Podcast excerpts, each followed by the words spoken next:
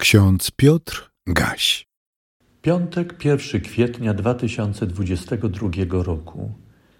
Panie, otwórz wargi moje, a usta moje głosić będą chwałę Twoją.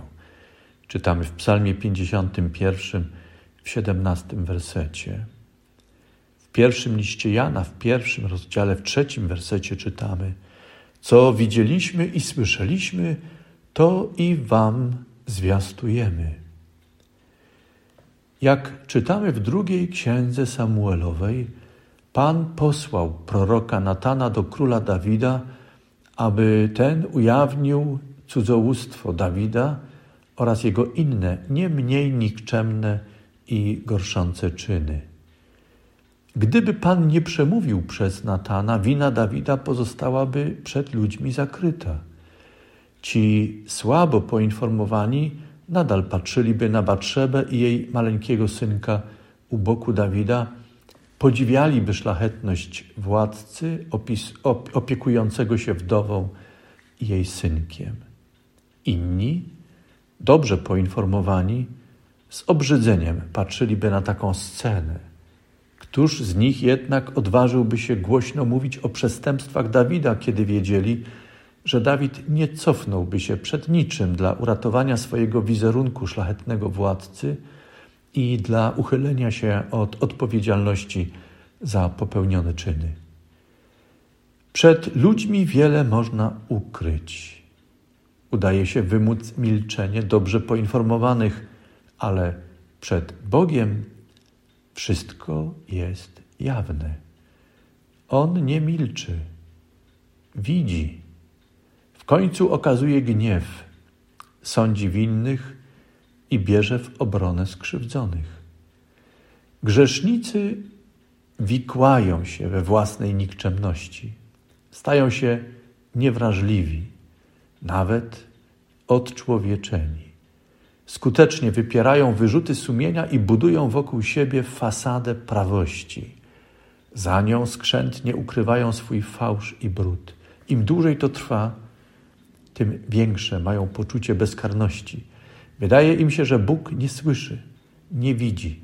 Jest zbyt wysoko i daleko, aby mógł rozbić fasadową prawość i wyświetlił ukrywany fałsz i brud. Żałosny jest bezbożnik, który oszukuje siebie samego.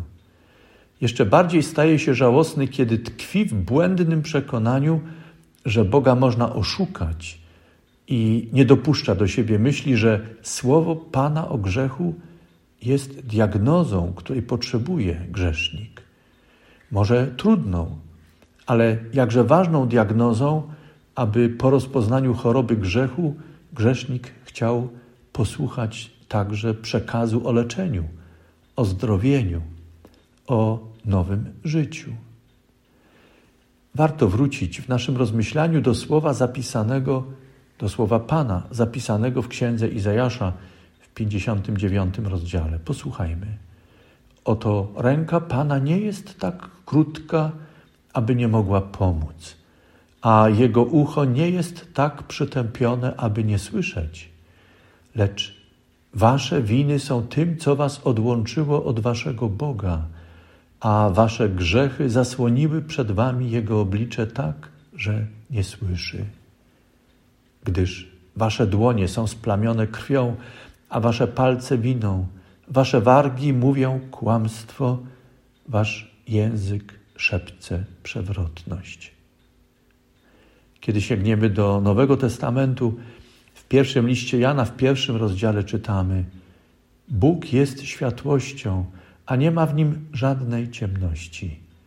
Jeśli mówimy, że z nim społeczność mamy, a chodzimy w ciemności, kłamiemy i nie trzymamy się prawdy. Kochani, Bóg przychodzi do nas w całej swojej światłości.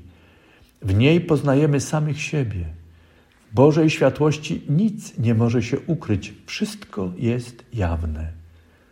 Tą światłością jest po prostu praca Ducha Świętego, Ducha Bożego, w nas i nad nami. Ten duch, jak naucza Jezus Chrystus, przekonuje człowieka o grzechu. Duch stawia diagnozę, a potem prowadzi nas do leczenia, do zdrowienia, do uratowania. W przypadku Dawida duch Pana przemówił przez proroka Natana. Król wskutek działania ducha Pana poznał swój grzech. Odwrócił się od swojej bezbożności, zwrócił się do Pana, przestał kłamać i wyznał prawdę. Posłuchajmy. Obmyj mnie zupełnie z winy mojej i oczyść mnie z grzechu mego. Ja bowiem znam występki swoje i grzech mój zawsze jest przede mną.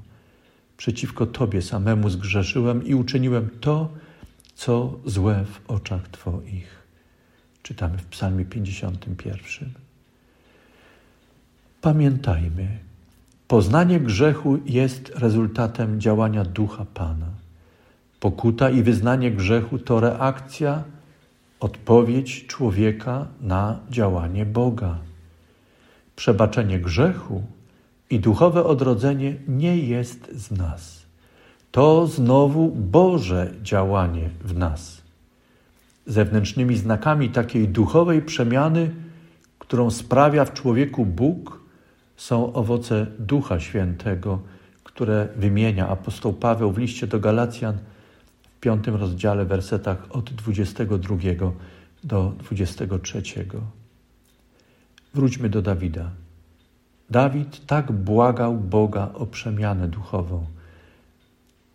Serce czyste stwórz we mnie, o Boże, a ducha prawego odnów we mnie. Nie odrzucaj mnie od oblicza swego i nie odbieraj mi swego ducha świętego. Przywróć mi radość z wybawienia Twego i wesprzyj mnie duchem ochoczym. Wybaw mnie od winy za krwi przelanie, Boże, Boże zbawienia mego a język mój z radością wysławiać będzie sprawiedliwość Twoją. Panie, otwórz wargi moje, a usta moje głosić będą chwałę Twoją. W pierwszym liście Jana czytamy, co widzieliśmy i słyszeliśmy, to i Wam zwiastujemy, abyście i Wy społeczność z nami mieli a społeczność nasza jest społecznością z Ojcem i Synem Jego, Jezusem Chrystusem. Dzisiaj nie przychodzi do nas Natan. Przychodzi ktoś większy. Sam Bóg w Trójcy Świętej jedyny zniża się do nas, diagnozuje nasze życie. W Jego światłości poznajemy swój grzech. Nasze sumienie doznaje poruszenie poruszenia, budzi się potrzeba pokuty i wyznania grzechu. Ożywa w nas tęsknota za Bogiem, błaganie o przebaczenie, o odrodzenie do nowego życia. A kiedy Bóg odpowiada, zmienia nas, przemienia, doświadczamy Jego przebaczenia i duchowego odrodzenia, czujemy się wewnętrznie zobowiązani do wdzięczności. Pragniemy Boga wielbić i opowiadać o darowanej nam łasce przemiany duchowej do nowego życia. Ach, otwórz usta ku Twej czci, niech w sercach pieśń pobożna brzmi, krzep myśl i wiarę w dzieciach swych, uwielbi swoje imię w nich. Amen. Więcej materiałów na www.trojca.waw.pl